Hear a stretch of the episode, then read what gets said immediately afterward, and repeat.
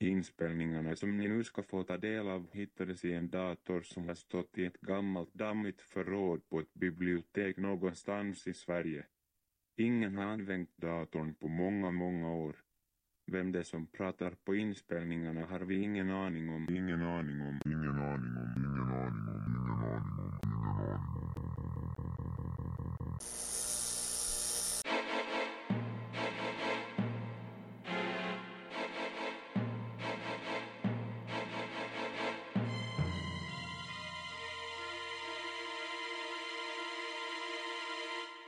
Mina vänner, återigen välkomna hem till mig. Den här gången kommer jag prata om hur det kan vara att förirra sig i labyrinter, grottgångar och katakomber. Det kan vara förfärligt läskigt, ska ni veta. Jag drömde förresten i natt att jag vandrade omkring i en grotta av något slag. Grå, fuktig, kall och mörk var grottan.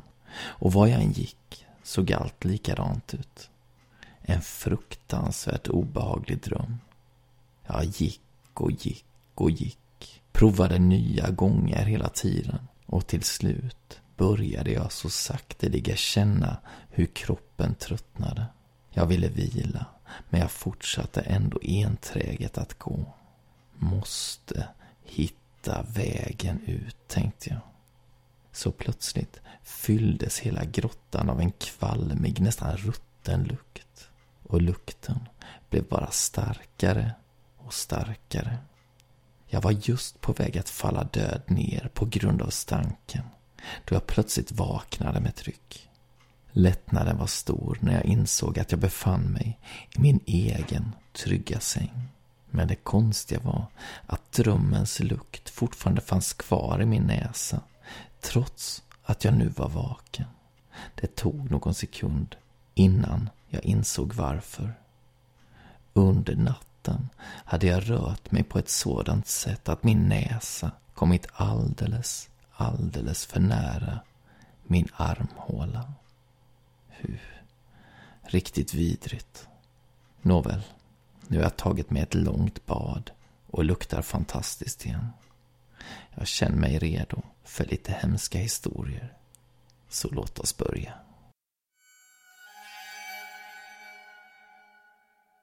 Paris katakomber, ett nätverk av underjordiska tunnlar och rum under staden Paris. Tunnlarna skapades på romartiden och man bröt då kalksten där. År 1786 började en del av tunnlarna att användas som gravplats. Tunnelsystemet är totalt mer än 300 kilometer långt. Bara en liten del av tunnlarna är öppna för allmänheten och det är sedan 1950-talet förbjudet att vistas i katakomberna utan guide. Det har nämligen hänt att människor irrat bort sig i tunnlarna och aldrig återfunnits. Att katakomberna började användas som gravplats i slutet av 1700-talet berodde på att sjukdomar som pest och smittkoppor spreds från de alltför fulla kyrkogårdarna i Paris. Man transporterade därför mängder av döda människor ner i underjorden. Sex miljoner skelett lär finnas där nere idag. I många tunnlar är väggarna helt smyckade med dödskallar och benknotor. Många av de som har besökt katakomberna har upplevt obehagliga saker. Bland annat påstår vissa att de plötsligt känt hur osynliga händer tagit strypgrepp på dem. Andra säger sig ha sett spöklika figurer och undliga skuggor där nere. På Youtube finns ett videoklipp som sägs komma från en kamera som hittades djupt nere i katakomberna där ingen människa egentligen har tillåtelse att vara. På filmen ser man hur någon vandrar i en tunnel kantad med benrester. Emellanåt filmar personen in i små prång som han eller hon passerar. I dessa små rum finns ännu fler skelettdelar. Vid ett tillfälle tar kamerans ägare upp en trasig dödskalle och studerar den närmare. Man får en känsla av att personen går längre och längre ner i katakomberna. Djupt där nere kommer hen fram till ett rum med en stor målning på väggen. Målningen är naivt och enkelt gjord och föreställer en människogestalt med utsträckta armar och ben. Det ser ut som om den avbildade personen är fastlåst med kedjor eller kättingar. Sedan blir allt ganska obehagligt. För plötsligt börjar personen med kameran att springa. Av den flåsande andningen att döma är han eller hon rädd för någonting. Vid några tillfällen ser sig personen om åt olika håll för att välja väg. Eller för att försöka upptäcka en förföljare kanske. Videoklippet slutar med att kameramannen tappar kameran som hamnar i en vattenpöl. Samtidigt hör man steg som avlägsnar sig. Förmodligen fortsatte kamerans ägare längre och djupare in i katakombernas vindlingar. Vem kamerans ägare var eller vart han eller hon tog vägen är det ingen som vet. Och fanns det verkligen en förföljare där nere? Eller var det bara filmaren som skrämde upp sig själv och inbillade sig? Det lär vi aldrig få veta.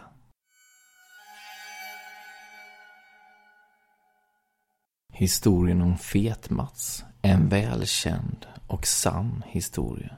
Så här berättas den på sajten myling.se. Fet-Mats, Mats Israelsson, var en gruvdräng från Boda by i Svärdsjö som förolyckades, alltså dog, i Falu gruva i Falun. År 1719 upptäckte gruvarbetare en död man i ett vattenfyllt schakt i en del av gruvan som inte användes längre. Mannen verkade inte ha varit död en längre tid. Detta var ett mysterium eftersom ingen person saknades. Då kroppen visades upp kände en kvinna vid namn Margareta Olsdotter igen mannen. Det var hennes trolovade, hennes fästman, som försvunnit i mars 1677, alltså 42 år tidigare. Hon trodde då att han hade rymt med en annan kvinna. Enligt historien ska hon skrikit ”Men det är ju Mats, min trolovade” när hon såg honom. Den döda Mats hade mumifierats av salterna som fanns nere i gruvan. Det var därför kroppen hade bevarats. Inget särskilt med det kan man tycka idag. Men då, på den tiden, var det en världssensation. Vissa trodde till och med att det var trolldom inblandat. Man påstod att gruvfrun hade tagit Mats och haft honom som sin make i 40 år innan hon slutligen dödade honom. Man beslutade att behålla Mats insaltad och visade upp honom som en slags turistattraktion. Först i en tunna, sedan i en glasmonter. 1749 begravdes han till slut i Kopparbergs kyrka. Förmodligen hade kroppen då börjat ruttna. När man bytte golv i kyrkan på 1860-talet hittade man resterna efter Fet-Mats och man ställde då åter ut honom. 1930 begravdes han på kyrkogården. Det sägs att Fet-Mats spökar i Falu gruva. Ögonvittnen har sett honom springa för sitt liv djupt nere i gruvans gångar. Han ropar på hjälp, men begravs slutligen av vattenmassor. En man som sett spöket i gruvan jämförde sin minnesbild med en teckning på Fet-Mats. Han kunde svära på att spöket han såg och Fet-Mats var en och samma person. Familjen Bell var en ganska lycklig lantbrukarfamilj. År 1804 flyttade de från North Carolina och bosatt sig i Robinson County, Tennessee. Familjen var religiös och man kan därför tycka att det var extra märkligt att just denna familj skulle komma att trakasseras av ett spöke. Det hela började 1817 när pappan i huset, John, tog en promenad kring sina stora majsfält. Då fick han syn på en hundliknande varelse. Varelsen sågs bara till i någon sekund innan den var borta. Ungefär vid samma tidpunkt såg en av Johns söner, Drury, en märkligt stor och på något sätt motbjudande fågel på fönsterbrädet utanför sitt fönster. Drury sa sig aldrig ha sett något liknande. En kväll, bara någon vecka senare, var Drury och hans syster Betsy ute och gick då de till sin förvåning plötsligt upptäckte att en gammal kvinna vandrade bredvid dem. Betsy försökte prata med kvinnan, men då försvann hon. Dessa tre märkliga syner var uppstarten för en rad konstigheter. Obehagliga ljud började till exempel höras kring familjens hus. Plötsligt kunde det knacka på ett fönster eller på en dörr. Ibland kunde man höra ljudet av vingslag och morranden från arga, hotfulla djur. Täckena kunde slitas av familjemedlemmarna medan de sov och emellanåt hördes tydliga smackanden och ganska äckliga sväljeljud nerifrån familjens källare. Till slut kallades en präst till gården. Familjen Bell hade då stått ut med spökerierna i huset i ett år. Prästen gick några gånger genom huset och konstaterade sedan att en ogudaktig ande befann sig i fastigheten. Några bybor fick i uppdrag att hjälpa till att driva ut den onda anden. Varje kväll samlades dessa bybor i familjen Bells hus. Tillsammans försökte de få kontakt med spöket. Kväll efter kväll träffades man, men inget utöver det vanliga hände. Men så en dag började anden att tala. Först hördes ett hysteriskt skratt som varade i flera minuter. Därefter läste anden en bön, om och om igen. Det var en bön som prästen läst vid ett flertal tillfällen för att försöka driva ut spöket ur huset. Och nu läste spöket bönen med prästens röst. Människorna som befann sig i huset var nu ordentligt skärrade. Ingen vågade ens röra sig. Till slut tog dock någon mod till sig och frågade efter spökets namn. Kate, blev svaret. Spöket, eller Bellhäxan, som det efter kom att kallas, vägrar att lämna huset. Hon fortsatte att plåga familjen Bell, framförallt på nätterna, med sång, skrik och andra oljud. Varför hon valde att terrorisera just familjen Bell är det ingen som egentligen vet. Men en förklaring gav anden själv. Hon påstod att hon skapats genom att en kvinna i byn kastat en besvärjelse över familjen Bell. Kvinnan i fråga skulle vara en viss Kate Betts, en underlig dam som levde i utkanten av byn med sin invalidiserade man. Hon lär ha känt ett starkt hat mot John Bell, pappan i huset, eftersom han behandlat hennes man illa på ett eller annat sätt.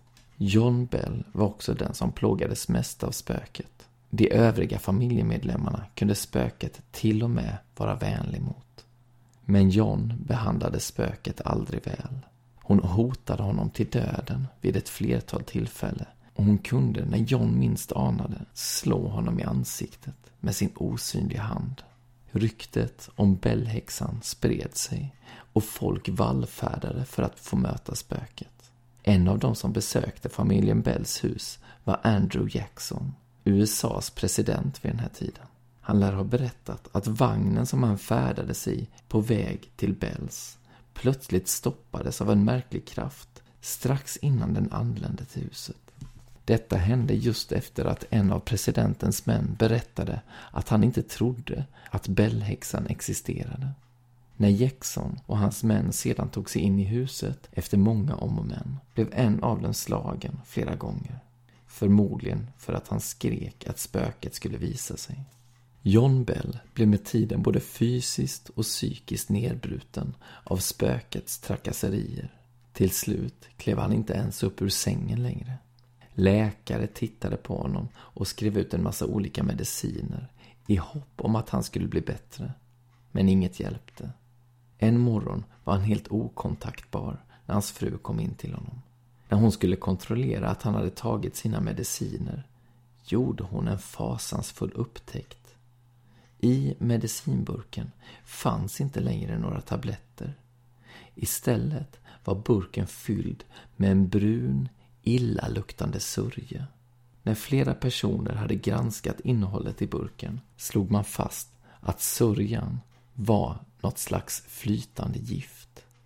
Spöket måste ha bytt ut Johns mediciner vid något obevakat tillfälle och i sitt försvagade och förvirrade tillstånd hade John druckit av giftet. Senare samma dag dog han. Bellhäxan hade till slut lyckats utplåna honom. John begravdes någon vecka senare och när kistan sänktes ner i jorden hördes ett galet kvinnoskratt. I närheten av familjen Bells boningshus fanns en grotta. Den finns där än idag förresten. Denna grotta ligger intill floden Red River och marken där inne är därför ganska dyig och sank. Familjen Bell använde de torrare delarna av grottan som matkällare. Med tiden nyttjades grottan allt mindre. Främst berodde detta på Bellhäxan. Ett år efter Johns död försvann hon nämligen. Hon slutade helt enkelt att störa familjen Bell. Men vissa människor påstår sig ha hört hennes vidriga sång och hennes hemska skratt nerifrån grottan. Kanske hade hon bosatt sig där. En tid efter att spöket försvunnit ur familjen Bells liv bestämde sig några pojkar för att utforska grottan. Pojkarna tog sig in i grottan, men på grund av vattnet var den ganska otillgänglig på sina ställen. Pojkarna fick då och då gå med lera upp till knäna. En av pojkarna råkade fastna då han skulle pressa sig emellan två stora klippblock. Hur han än försökte så tog han sig inte loss. Hans vänner försökte hjälpa honom, men förgäves. Han satt fast som i ett skruvstäd. Då hördes plötsligt ett blodisande skratt som fick nackhåren att resa sig på var och en av pojkarna. Nu var deras sista stund kommen, tänkte de. Men så blev det inte. Istället hördes en kvinnoröst väsa. Jag hjälper dig. Och pojken som satt fast kände hur någon grep tag om honom och slet honom loss. Samtidigt kunde han nästan svära på att han såg hur ett klippblock flyttades lite grann. På en sekund var han fri och kunde tillsammans med sina vänner ta sig till grottans ingång. Var det Bellhäxan som hjälpte pojken och bor hon i så fall kvar i grottan än idag? Det finns de som tror det.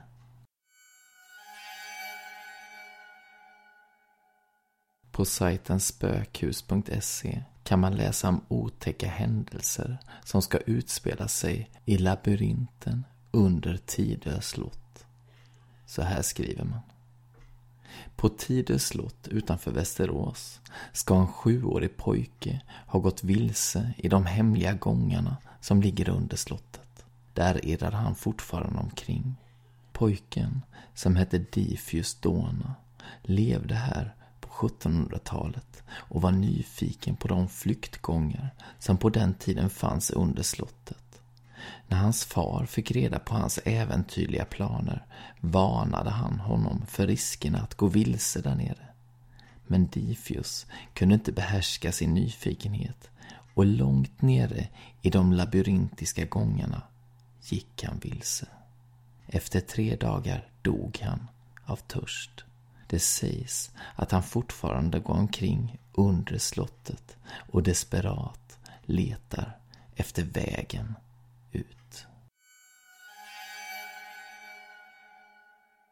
År 1836 var fem ungdomar ute och jagade kanin vid Arthurs Seat, ett litet berg i Edinburgh i Skottland. Plötsligt upptäckte de en liten grotta undanskymd bakom några buskar. Nyfikna som de var tog de några försiktiga steg in i bergsrummet.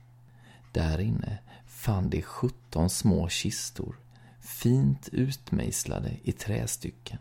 I var och en av kistorna låg små träfigurer med påmålade svarta kängor och handsydda kläder av olika slag. Vad var det här för dockor? Vem tillverkade dem och begravde dem i grottan? Och varför? Teorierna är många.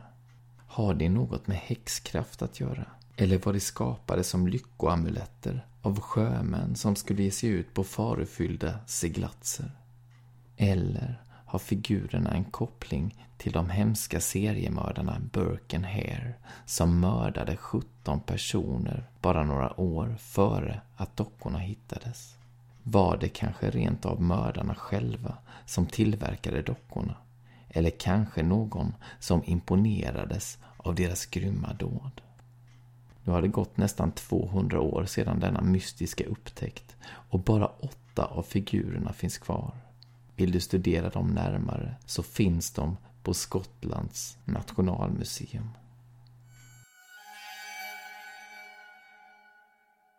Slutligen ska jag läsa ur boken De tysta stegen bakom av Jonna Björnstjärna. Den handlar om Elsa som tillsammans med sina föräldrar flyttar in på Ellesbo herrgård. Vi får följa henne under hennes första dagar i detta kusliga hus. Under den andra dagens kväll blåste det upp. Vinden visslade och ven utanför fönstret när jag låg i min knöliga och kalla säng. Det lät nästan som om någon jämrade sig där ute och den gamla ekens grenar slog mot glaset på ett otäckt sätt. Som om det stod någon där utanför och knackade på. Men så kunde det ju inte vara. För mitt rum låg på andra våningen. Om det inte var någon som var jättelång. Kunde inte sluta knacka? Det lät så otäckt. Jag tänkte på stegen jag tyckt mig höra tidigare under dagen och känslan av att någon stått bakom och tittat på mig och jag tänkte på den ledsna flickan på tavlan jag hade sett. Det kändes otäckt, så jag ansträngde mig för att försöka tänka på något annat istället. Den lilla svarta katten som jag träffat här utanför huset. Vad söt den hade varit. Men knack, knack, knack knackade ekens grenar. Jag försökte att inte låtsas om det och tänkte vidare på katten.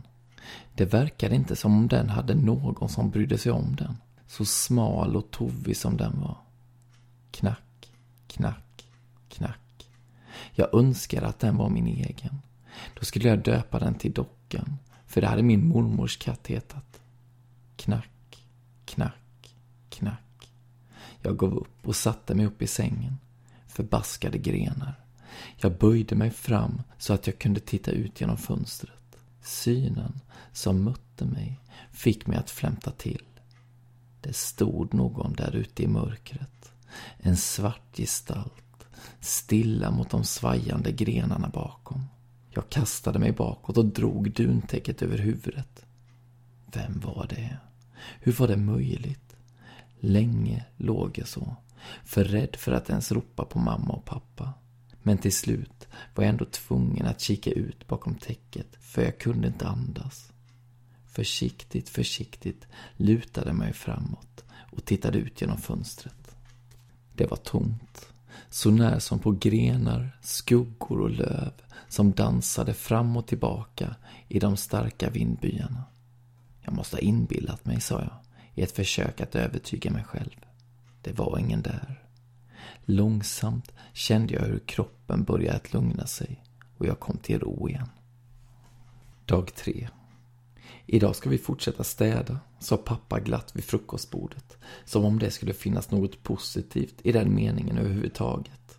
Men det gjorde vi ju hela dagen igår, protesterade jag, så att några brödsmulor for ut över bordet. En av dem landade i mammas kaffekopp. Elsa, ser du vad som händer när du pratar med mat i munnen, sa hon. Det är ett stort hus, sa pappa. Det tar tid att städa. Vi har knappt hunnit halvvägs. Jag gäspade.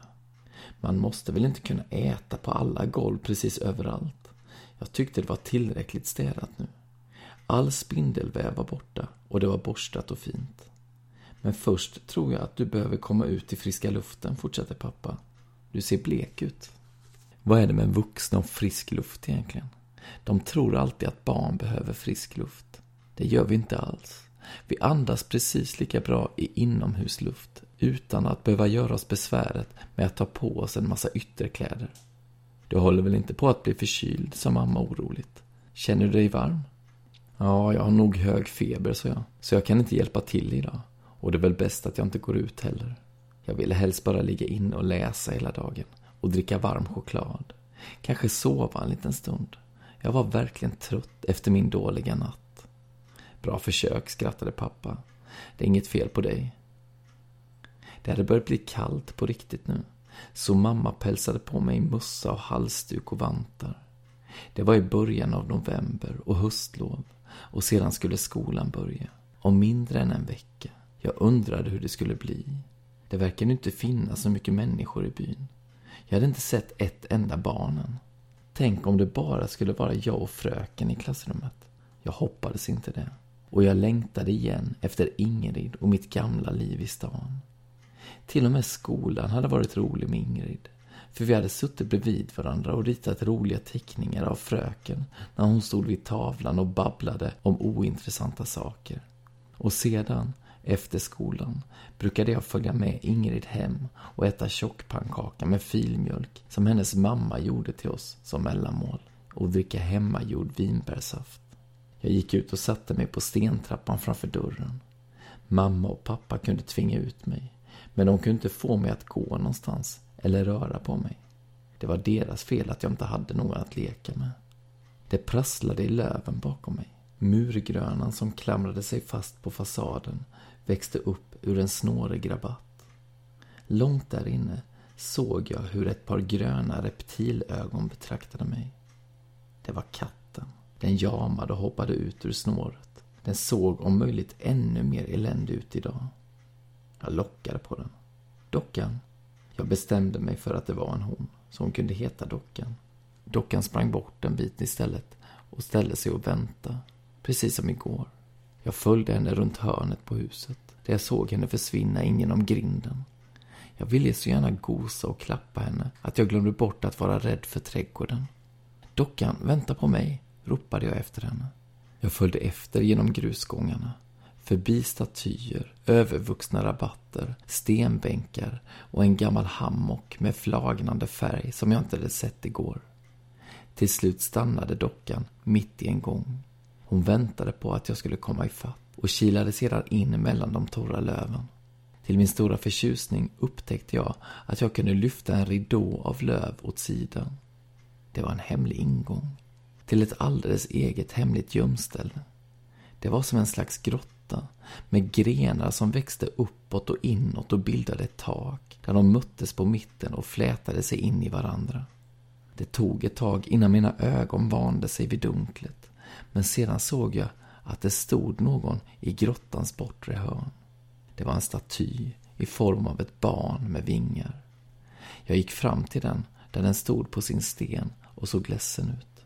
Det var något skrivet på stenen också, så jag skrapade undan lite mossa för att se bättre. Eleonora Cederkrans 1874 till 1886. Magen drog ihop sig och jag fick gåshud över hela kroppen. Det var inget hemligt krypin. Det var en gravplats. Det kändes som om det blev mycket mörkare omkring mig. Jag såg mig om efter dockan, men hon hade försvunnit. Hon hade lämnat mig ensam här, vid en grav. Dockan, ropade jag. Kom tillbaka. Det rasslade i gruset utanför grottan. Men det lät inte som dockan. Det lät som steg. Lätta, försiktiga steg, som om någon smög på mig där ute. Magen snörde åt ytterligare när stegen stannade vid ingången till grottan. Jag såg mig omkring. Vart skulle jag ta vägen? Jag kunde inte springa ut samma väg som jag kom ifrån, för då skulle jag springa rakt in i armarna på... Vem då? Jag kippade efter luft. Snart skulle jag dö av skräck, det visste jag. Mina ögon for över grottans väggar. Det fanns ingen annan väg ut. Men i samma ögonblick fick jag syn på ett område strax till vänster om graven, där lövverket såg tunnare ut. Det var min enda chans. Jag sprang fram till det och försökte pressa mig igenom. För ett panikslaget ögonblick trodde jag att jag skulle fastna i den trassliga murgrönan. Men jag slog mig loss och kunde äntligen tränga mig ut på andra sidan. Där satt dockan och väntade. Så fort hon fick syn på mig började hon springa och jag sprang efter henne ut ur trädgården. Mamma, pappa, det finns en grav i trädgården. Jag hittade dem i köket, där de stod på varsin stege och torkade ur köksskåpen. Mamma duckade ut ur skåpet och tittade ner på mig. Vad då för en grav? Pappa som stod med hela överkroppen inkörd i ett annat skåp krånglade sig ut han också. Det låter inte bra. Jag vill inte ha någon grav i vår trädgård, sa mamma. Hon klättrade ner för stegen och la ifrån sig dammtrasan på diskbänken. En grav för någon som heter Eleonora, sa jag. Mamma tittade anklagande på pappa, som om det var hans fel. De följde med mig ut i hallen och tog på sig skor. Sedan ledde jag dem runt på baksidan av huset, in i trädgården. Åh herre min skapare, här behöver rensas, sa pappa och såg sig förfärat omkring. Det är ju helt igenvuxet. Vi måste anlita en trädgårdsmästare. Mamma såg sig för var hon satte ner fötterna. Det finns väl inga ormar här, sa hon oroligt. Nej, för de har dockan jagat bort, sa jag. Vem är det? undrade pappa. Katten, sa jag. Det låter inte bra att du har gett den ett namn, Elsa, sa mamma. Du kommer inte få behålla den. Och kom ihåg vad jag sa om att klappa den. Ja, ja, kom nu. Vi har väl viktigare saker för oss än att bråka om en katt. Men hur mycket jag än letade kunde jag inte hitta tillbaka till grottan. Men Elsa, nu har vi gått runt här jättelänge, suckade pappa när vi irrat runt i gångarna en lång stund. Du har verkligen rätt i att det är lätt att gå vilse här i alla fall, sa mamma och tittar upp på de höga häckarna som omgav oss. Den här trädgården är ju helt enorm och man kan inte orientera sig överhuvudtaget. Jag fryser och jag vill fortsätta fixa med huset. Vi har så mycket kvar att göra. Pappa lät otålig. Ja, det har vi faktiskt, Elsa, sa mamma. Vi kan inte gå runt här hela dagen. Bara lite till, bad jag. Men mamma och pappa hade redan vänt och börjat gå tillbaka mot huset. Jag följde motvilligt efter dem. Huset dök snart upp bakom häckarna med sina många rader av mörka fönster. Jag stannade till och försökte räkna ut vilket fönster som var mitt. Mitt rum låg på andra våningen, längst ut på sidan. Det där måste det vara. Liksom de andra fönstren var det högt och smalt. Mamma hade lovat att byta ut de slitna sammetsgardinerna som skymtade där bakom mot ett par som var ljusare och fräschare. Men vad nu? Gardinerna hade rört på sig. Jag var säker på det. Mamma och pappa var fortfarande framför mig, så det var ingen av dem. Vem var det då som stod där, alldeles stilla och betraktade mig? Jag blev alldeles kall och kände hur marken började gunga under mina fötter. Det var inte möjligt. Jag måste se i syne. Det fanns ingen annan förklaring.